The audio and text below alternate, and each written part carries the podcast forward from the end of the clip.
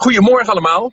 En uh, goedemorgen met name ook alle tieners. Dit is een uh, jeugddienst, dus met name ook voor jullie een heel uh, hartelijk welkom. Ik dacht dat ik een beetje alle soorten diensten wel uh, meegemaakt had. Diensten in het uh, cultuurhuis. Uh, ik heb wel eens in quarantaine gezeten en toen moest ik vanuit huis een, een filmpje opnemen. Het is wel eens gebeurd dat er een deel van de gemeente in het cultuurhuis was en dat ik thuis toen het filmpje op moest opnemen, dat dat daar werd afgespeeld. Nou, nu dus een dienst waarbij iedereen thuis zit en een soort, nou ja, een, een soort van huiskamerdienst. Ik vind het ook wel weer uh, grappig, moet ik eerlijk zeggen, om een keer uh, zo'n soort dienst uh, mee te maken. het nadeel is natuurlijk een beetje dat als je nu zo achter een scherm zit, dat je nou misschien dan wat meer afstand ervaart, het wat makkelijker ook een beetje onderuit kunt hangen en dan kunt denken van, ach ja, laat die, laat die log daar maar een beetje kletsen. dus ik hoop met name voor jullie tieners uh, dat, het, dat je het toch uh, dat het lukt om echt ook goed te luisteren naar wat ik te zeggen heb. Want we hebben volgens mij vanochtend wel echt een, een echt heel belangrijk onderwerp wat we willen bespreken. De vraag die gaat echt heel erg over wat is nou de kern van geloven? Waar draait het nou om bij geloven? En wat zijn consequenties als ik Gods vaarwel zou zeggen? Dat is niet een klein vraagje. Dus ik hoop echt dat je goed ook wilt luisteren naar wat ik probeer te zeggen. Want ik hoop echt dat ik je uh, nou, daarmee uh, aan het denken mag zetten en uh, dat je er echt zelf iets mee zult doen. Misschien heb je dit beeld wel een beetje van geloven. ja, in de kerk, daar zitten mensen die geloven in God. En ja, je moet nou een keer het juiste geloven. Als je dat doet, ja, dan mag je naar de hemel. Dat is christen zijn de, de juiste dingen geloven, de juiste dingen doen. Uh, ja, je moet, wat moet je dan bijvoorbeeld geloven? Nou ja, je moet bijvoorbeeld geloven dat de Heer Jezus redt. En geloven dat deze wereld geschapen is. Uh, je moet geloven dat er geen fouten in de Bijbel staan. Dat soort dingen. En uh, ja, je moet natuurlijk ook wel een beetje goede dingen doen. af en toe evangeliseren folders door de bus doen, uh, naar de 12 plus gaan als er 12 plus is, of naar de kerk gaan als dat kan, dat soort dingen. Ja, en als je er goed over nadenkt, dan zijn er ook misschien wel een heleboel leuke dingen die je dan niet meer moet doen. Niet meer mag doen eigenlijk. Feestjes en zo en allerlei leuke dingen. Ja, nou ja, dat, dat schijnt er niet zo erg bij te horen. Ja, en daarvoor in de plaats, daar moet je dan ja, allerlei een beetje stoffige dingen toch gaan doen veel in de Bijbel lezen. En nou zeg, dat is een saai boek. Jongen, jongen, ja, maar ik zie wel dat al die oudere christenen, ja, die, die doen wel allemaal dat soort dingen. Dus uh, ja, dat moet je dan blijkbaar leuk gaan vinden, om dan in zo'n stoffig boek de hele tijd te duiken.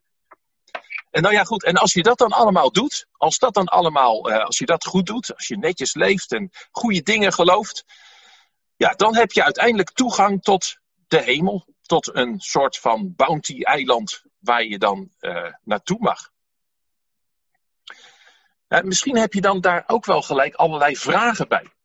Want ja, als je zo om je heen kijkt, dan zijn er ook best wel een hoop niet-christenen die ook best een heleboel mooie dingen doen. Die leven ook best goed. Sterker nog, als je goed kijkt, dan zijn zij misschien wel, doen zij misschien wel een heleboel dingen beter dan jij of ik doen. En hoe zit het dan met hen? Ja, oké, zij geloven sommige dingen niet die in de Bijbel staan. Maar ja, is het dan niet een beetje oneerlijk van God? Dat, dat zij, omdat ze nou net een andere overtuiging hebben, dan niet dat toegangskaartje tot de hemel krijgen. En misschien denk je ook wel, ja, maar wat nou als ik zelf niet helemaal het juiste geloof?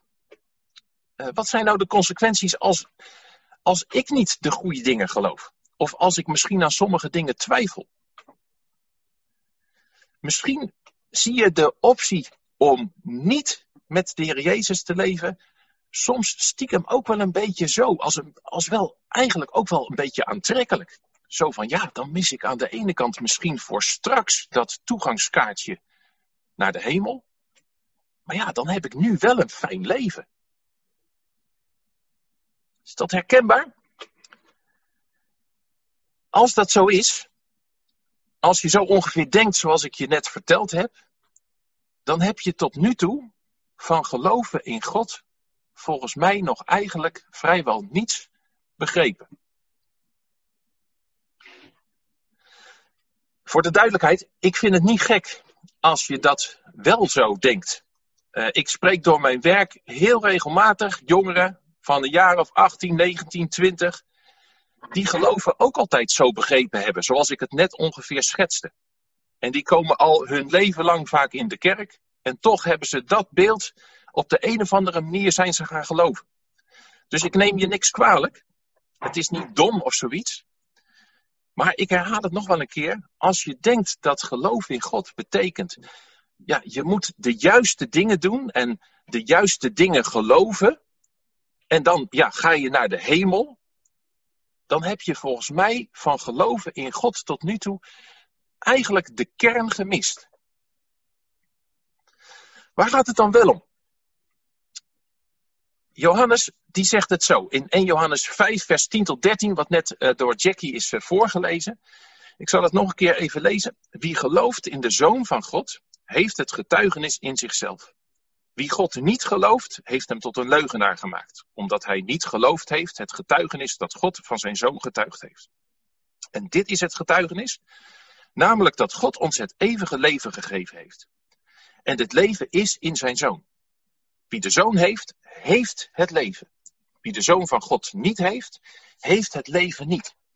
En deze dingen heb ik geschreven aan u die gelooft in de naam van de Zoon van God, opdat u weet dat u het eeuwige leven hebt en opdat u gelooft in de naam van de Zoon van God.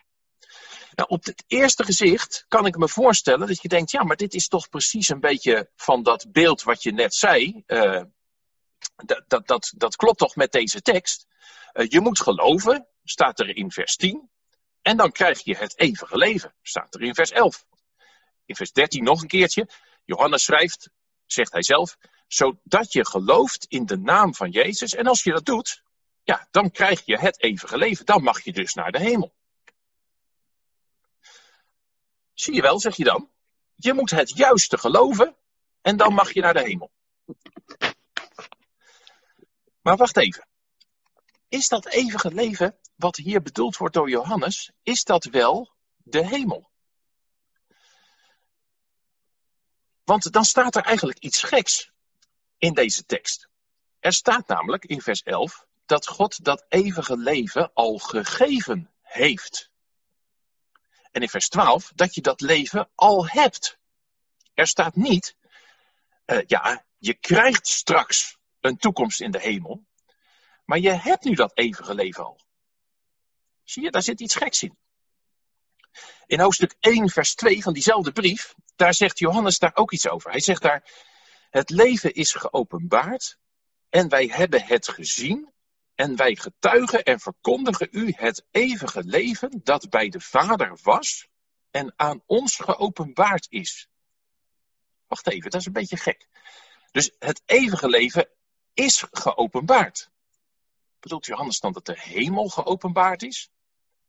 En het was bij de Vader en het is bij ons geopenbaard. Gaat het dan over de hemel? Is de hemel dan bij ons gekomen? Hoe zit dat? Nou, de oplossing is dat het eeuwige leven niet zozeer de hemel is. Het heeft wel met de hemel te maken, maar het is niet hetzelfde. Wat is het dan wel? Nou, dat schrijft Johannes ook. Eh, deze Johannes van deze brief, die heeft ook het evangelie van Johannes geschreven. En daar gaat het ook over dat eeuwige leven. Daar zegt de Heer Jezus in Johannes 17, vers 1 tot 3, je kan het nog eens nalezen als je wil. Daar bidt de Heer Jezus naar zijn Vader in de hemel en dan zegt hij, Vader, verheerlijk uw Zoon, opdat hij, de Heer Jezus dus, de Zoon dus, eeuwig leven geeft, daar heb je het, aan allen die u hem gegeven hebt. En nou komt het.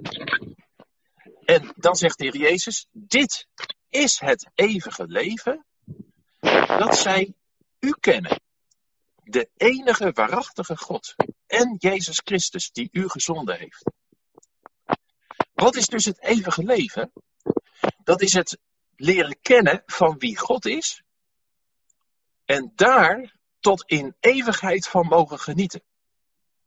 Dus dat heeft wel met de hemel te maken, maar het draait om het leren kennen van wie God is. Dat is iets anders dan eh, dat het om een mooie plek zou gaan. Het gaat niet uh, om een soort plek los van God. Het gaat juist om bij God mogen zijn. Het eeuwige leven begint dus al op het moment dat je de Heer Jezus leert kennen en het houdt nooit meer op.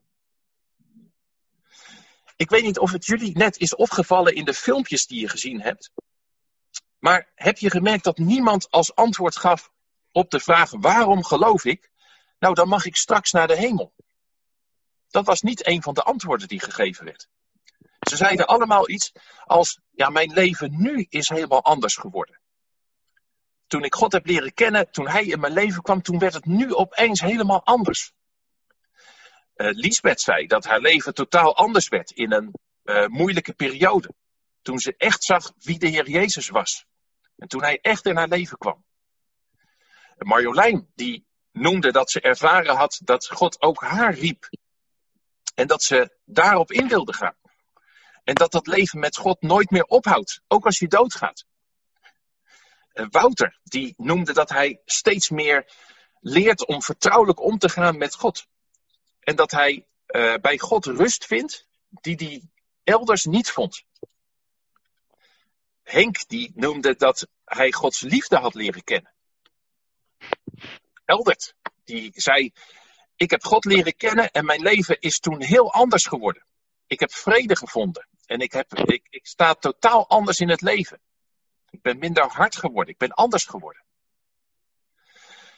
Dus het bij God mogen zijn, dat maakt het leven van een christen zo bijzonder. En natuurlijk is het fijn dat we in de hemel bij God mogen zijn. Natuurlijk is het fijn om die verwachting te mogen hebben. Maar ik hoop dat je begrijpt, de hemel is niet bijzonder omdat het een fijne plek is. Het is een fijne plek omdat je dan helemaal bij God kunt zijn. Zie je het verschil? Het is niet een soort bounty-eiland zonder God. Nee, het is fijn omdat God daar is. Een volgeling van de Heer Jezus, die wil niet naar de hemel omdat hij naar een soort bounty-eiland wil, maar omdat hij dichter bij de Heer Jezus wil zijn. Misschien helpt het volgende voorbeeld, want het is volgens mij echt ontzettend belangrijk dat, dat je dit goed snapt. Uh, veel mensen die vinden hun huwelijksreis de mooiste reis van hun leven. Wat maakt een huwelijksreis nou zo bijzonder? Nou, ja, dat is dat je dan eens fijn in je eentje op een prachtig bounty-eiland kunt zitten. Heerlijk, zonder man of vrouw, lekker gewoon is rust, alleen. Nee toch? Dan gaat er iets mis. Uh, wat zou je ervan denken als een jongen zegt: uh, Nou, ik heb zo'n zin in mijn huwelijksreis. Ja, het is alleen jammer dat mijn vrouw mee moet. Dat zou een beetje raar zijn, toch? Dan zou je, zou je ogenblikkelijk naar dat meisje toe gaan en zou, je zou zeggen: Ho, stop, ga niet met die jongen in zee, hij houdt niet van je. Maar dat is precies waar het nou om gaat. Want zo zien heel veel mensen, ook mensen die zichzelf christelijk noemen, waar het geloof om draait. Die willen wel een leuke vakantiereis, maar die willen niet getrouwd zijn. Die willen de hemel wel, maar ze hebben niet in de gaten dat het draait om het houden van de Heer Jezus. En dat is iets totaal anders. Snap je het nou? Het leven als christen is niet leven zodat je naar de hemel kunt gaan. Het is vanaf vandaag tot in eeuwigheid met God mogen leven. God, de Heer Jezus, in je hart mogen hebben.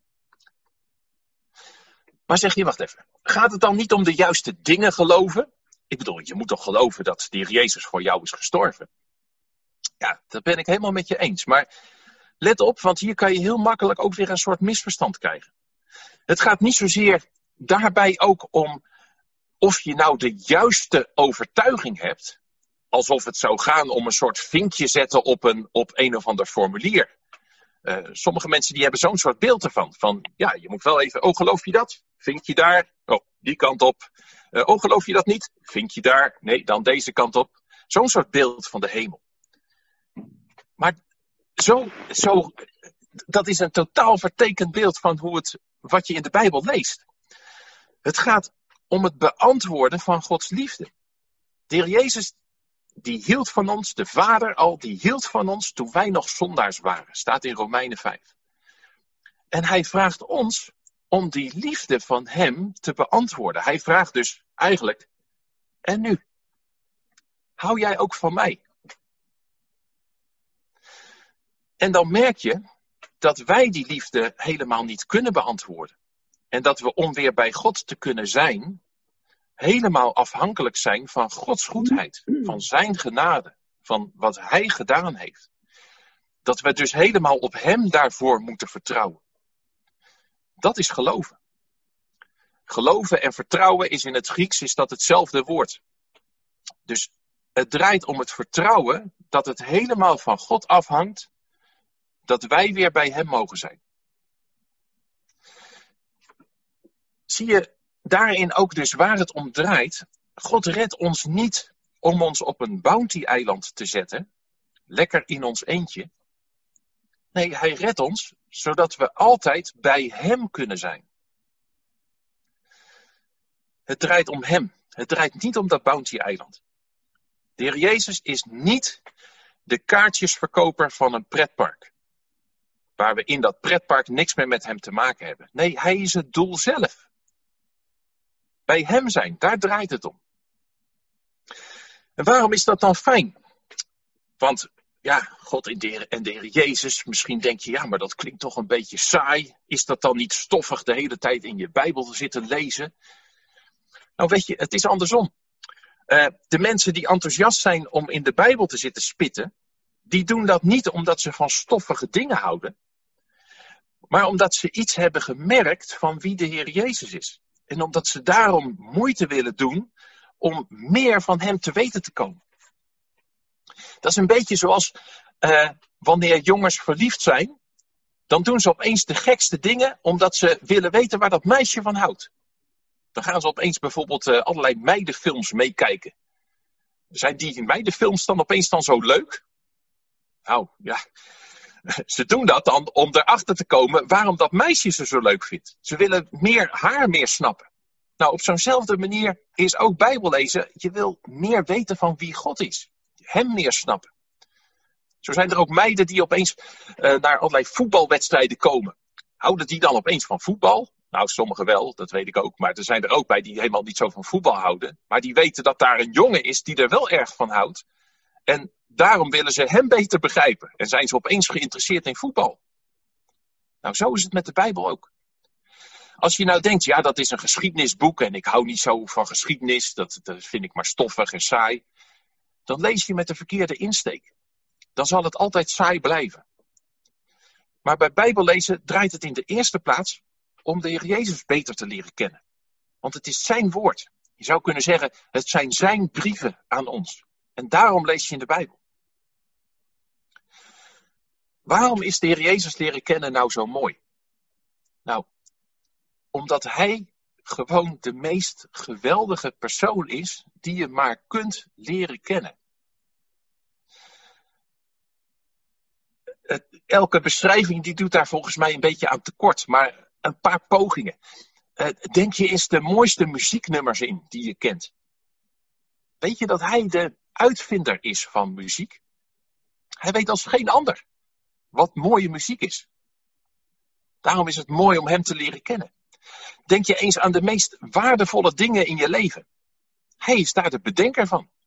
Of hij heeft mensen de mogelijkheden gegeven om die toffe dingen te bedenken. Hij is de meest humoristische persoon die je kunt bedenken. denk je, wacht even hoor. De Jezus, is, dat, is die dan niet saai? Wie heeft jou dan aangepraat? Hij heeft humor bedacht.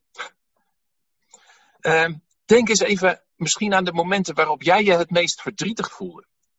Dat kan met verschillende dingen te maken hebben. Uh, toen ik mezelf het meest verdrietig voelde, toen had dat te maken met mensen die mij kwetsten. En ik kan me voorstellen dat dat in jouw leven misschien ook het geval is dat er mensen zijn die jou pijn hebben gedaan. Nou, ik weet zeker dat als die mensen zouden hebben gereageerd zoals de Jezus met mensen omgaat, dan was dat niet gebeurd. Zo is de Jezus. Misschien voel jij je alleen, of misschien voel je je niet begrepen. Misschien voel je je niet begrepen door je ouders. Zou zomaar kunnen. We hebben heel veel tieners. Jezus kent jou wel helemaal.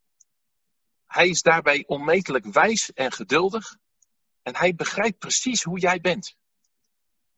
En kun je je dan indenken dat het niet fijn zou zijn om bij hem te zijn? En dit laat volgens mij ook gelijk zien wat de consequenties zijn van een leven zonder hem. Of als je hem vaarwel zou zeggen. Dan ben je niet meer verbonden met, met de bron van al het goede, van al het mooie. De bron van echte, opofferende liefde. Van echte goedheid. Van iemand die jou echt helemaal kent en oneindig veel van je houdt.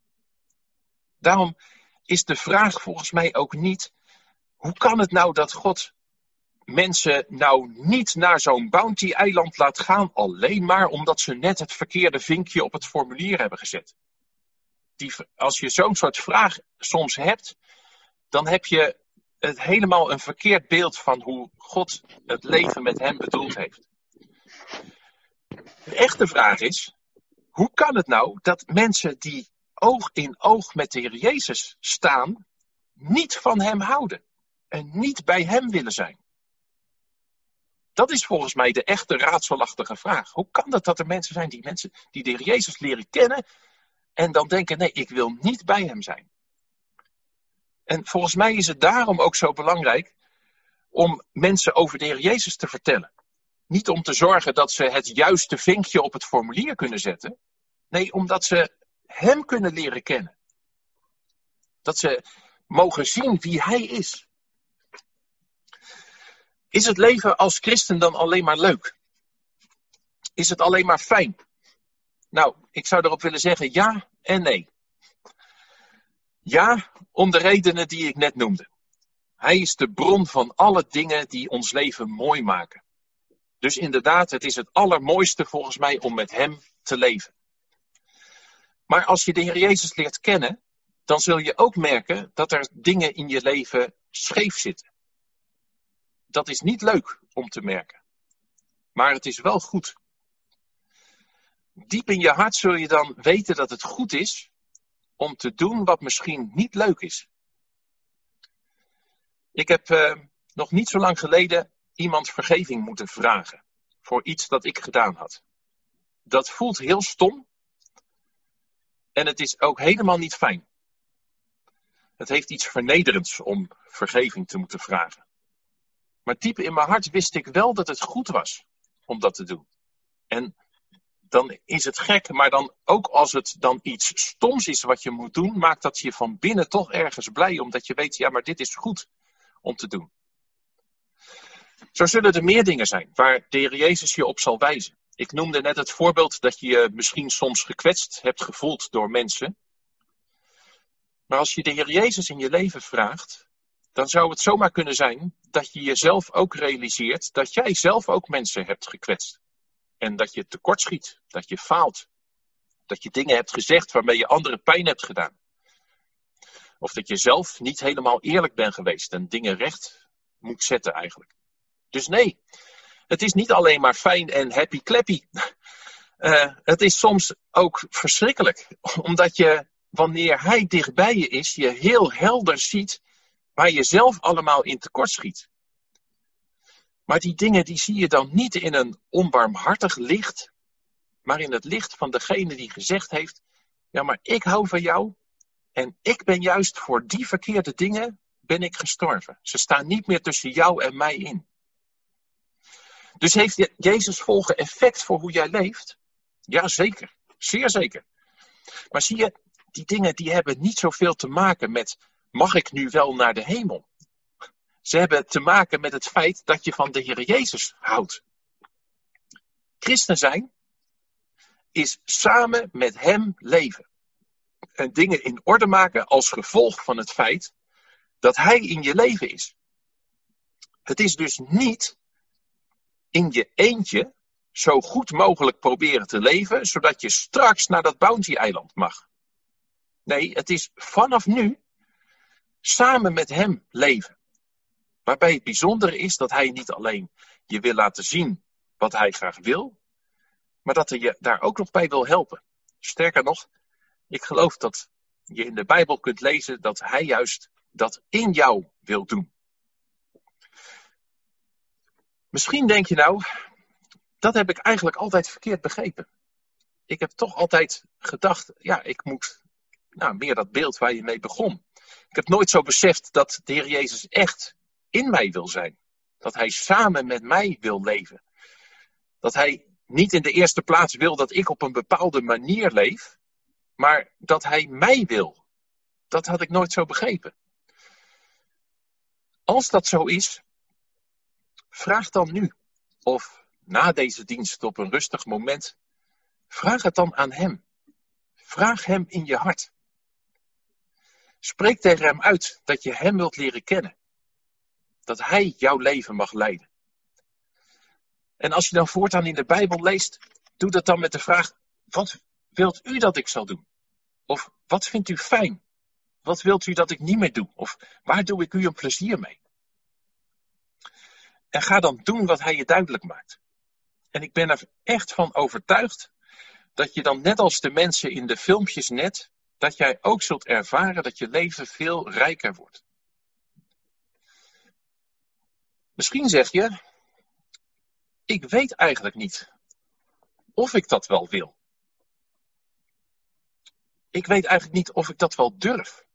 Of ik mijn leven wel aan de Heer Jezus durf te geven. Ik weet eigenlijk niet of ik wel van hem houd. Als dat zo is, dan zou ik je willen aanmoedigen. Ga dan op zoek, alsjeblieft. Ga bijvoorbeeld lezen in je Bijbel over hoe de Heer Jezus leefde. Eh, wat hij deed, hoe hij omging met mensen. Eh, ga hem proberen te leren kennen. En dan zou ik je als tip willen geven: zoek dan een Bijbel die je snapt. Wij lezen hier uit de herziene statenvertaling. Uh, die is soms best lastig misschien. Begin dan met een Bijbel die je snapt. Misschien het boek of een Bijbel in gewone taal, of misschien zelfs een kinderbijbel. Maar zorg in ieder geval dat je snapt wat je leest. Dat het niet alleen maar moeilijk klinkende woorden zijn. Maar ga wel op zoek. Of misschien een andere tip. Uh, praat eens met vrienden of vriendinnen bij wie jij merkt dat zij wel van de Heer Jezus houden. Waarvan je misschien merkt, ja, bij hen is dat toch een beetje anders dan bij mij. Vraag ze eens hoe dat komt.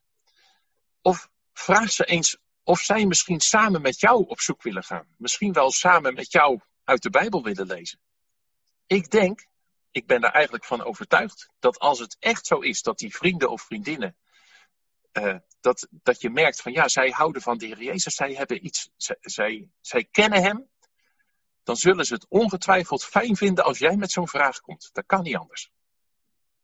Dus vraag ze om te helpen. Of zoek plekken waar je meer over Hem te weten kunt komen.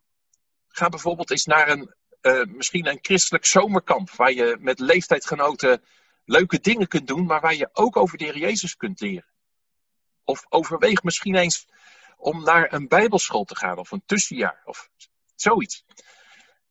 Ga in ieder geval op zoek naar mensen waar je, of, of situaties waar je, waar je hem kunt leren kennen. Nou is dit een tienerdienst, gericht vooral op de jongeren. Maar ik wil ook graag iets zeggen nog aan de ouderen hier die hier zijn. Ouders, opa's, oma's, mede gemeenteleden ik zou u willen vragen om eens uh, uh, na te denken over de volgende dingen. Uh, voor wie van de jongeren bidt u vaak? Ongetwijfeld zijn er mensen in uw omgeving, kleinkinderen misschien, kinderen, mensen in de gemeente of buurjongens of buurkinderen, voor wie u bidt. Nou, ik wil in ieder geval u aanmoedigen, blijf dat alsjeblieft doen. Volgens mij is dat ontzettend belangrijk. En misschien kunt u ook eens nadenken over de, de volgende vraag. Over wie of op, op welke manier kan ik er nou aan bijdragen dat de jongeren die ik ken in contact zouden kunnen komen met de Heer Jezus. Of misschien meer in contact zouden kunnen komen met de Heer Jezus. Dus hoe zou ik eraan kunnen bijdragen dat mijn zoon of dochter of kleinzoon, kleinkind, uh, buurmeisje, jongen in de kerk enzovoort. Hoe kan ik er nou aan bijdragen dat hij op plekken komt waar die de Heer Jezus meer kan leren kennen? Kan ik misschien na de coronatijd uh, misschien eens rijden als er ergens een goede jongerenavond wordt georganiseerd? Of uh, weet ik misschien van mensen dat zij krap bij kas zitten en uh, zou ik dan misschien een jongerenkamp voor hun zoon of dochter kunnen betalen? Nu in deze periode van uh, corona kan het heel wisselend zijn hoe mensen er financieel voor staan. Er zijn mensen die, die financieel in de problemen zijn gekomen. Maar er zijn er ook voor wie het niet zoveel verschil maakt met de tijd hiervoor. Of die nu misschien wel juist minder uitgeven, omdat ze nu bijvoorbeeld geen, uh, geen uh, woon-werkverkeer hebben en benzinekosten uitsparen. Nou, overweeg eens of je daar misschien iets mee mag doen. Natuurlijk kun je denken van, nou, dat is een leuk meevalletje voor mezelf en daar kan ik wat leuks mee gaan doen voor mezelf. Dat zou kunnen, ook niks mis mee volgens mij. Maar je zou er ook misschien mee kunnen bijbetalen aan een zomerkamp, een bijbelschool of noem maar. Uh, nou ja, misschien is het, een, is het een idee. Begrijp me goed, ik wil dit niet als een soort verplichting uh, opleggen. Hè, van, uh, maar misschien is het wel een idee waar u enthousiast van wordt. Dat u denkt, hé, hey, heb nooit, aan, nooit bij nagedacht. Maar dat, dat kan inderdaad, die mogelijkheid heb ik. Dus de vraag is eigenlijk aan u, hoe kan ik met wat God aan mij gegeven heeft, eraan bijdragen dat mijn buurjongen die uh, tiener in de gemeente, die ik vaak in gedachten heb, uh, mijn kleinkind of wie dan ook, de Heer Jezus leert kennen of misschien nog wat meer kan leren kennen. Aan diezelfde ouderen, je kunt de vraag ook omdraaien. Uh, sta ik misschien met mijn houding voor jongeren in de weg om bij de Heer Jezus te komen? Ben ik misschien in mijn houding veroordelend of kan ik veroordelend overkomen, waardoor ik misschien wel de indruk wek dat het leven met God meer om regels draait dan om bij Hem te zijn. Nou, dat is ook iets wat volgens mij iedereen nou ja, gewoon persoonlijk voor zichzelf moet overwegen en daar vooral om moet bidden. Ik wil die vraag daarom in ieder geval meegeven. Ik wil afronden. Waar draait het nou om? In geloof in God. Het antwoord is eigenlijk heel erg kort. Het draait om Hem. Niet om een plek. Het draait om Hem. Het draait niet om het juiste geloof of het juiste doen. Dat komt helemaal niet op de eerste plaats. Het draait om Hem. Hij wil niet dat jij de juiste overtuiging krijgt. Zin, en dat bedoel ik hè, dus zo van alsof je het juiste vinkje moet zetten op het formulier. Hij wil jou. Hij wil jou. En de Heer Jezus is gekomen zodat je Hem echt kunt leren kennen.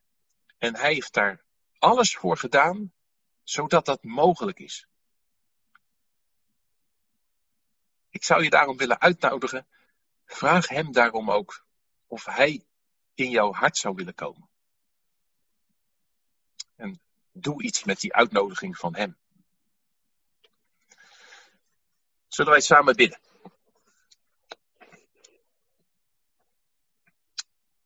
Lieve Vader in de hemel, lieve Heer Jezus, ik wil u danken voor uw liefde, voor uw grootheid, voor uw trouw, voor het feit dat u, uh, dat u in ons leven wilt komen en dat u ons leven totaal wilt veranderen. Heren, ik wil u danken voor uw ontzettend grote liefde voor ons. En ik wil u vragen, ja, wilt u alstublieft, uh, ja, wilt u ons helpen om die liefde op een goede manier te beantwoorden? Heren, als er mensen zijn, of jongeren zijn, tieners zijn misschien, die deze dienst nu geluisterd hebben en denken, ja, ik uh, had altijd meer het idee dat het om de hemel draaide, maar ik zie nu pas dat het eigenlijk, dat Heer Jezus mij wil, dat Hij nu in mijn leven wilt komen. Heren, wilt u dan bij hem of haar zijn en uh, ja, wilt u alstublieft uh, in hun levens komen. Heren, ik wil u uh, vragen of u drempels naar u toe wilt wegnemen en uh, wilt u ons helpen om zo te leven zoals u dat graag wilt. En ik wil u vooral danken, heren, ja, voor dat wonder dat u in ons leven wilt zijn, dat u met ons mee wilt gaan. En dat we tot in eeuwigheid bij u mogen zijn. Heren, dank u wel daarvoor. Om Jezus wil. Amen.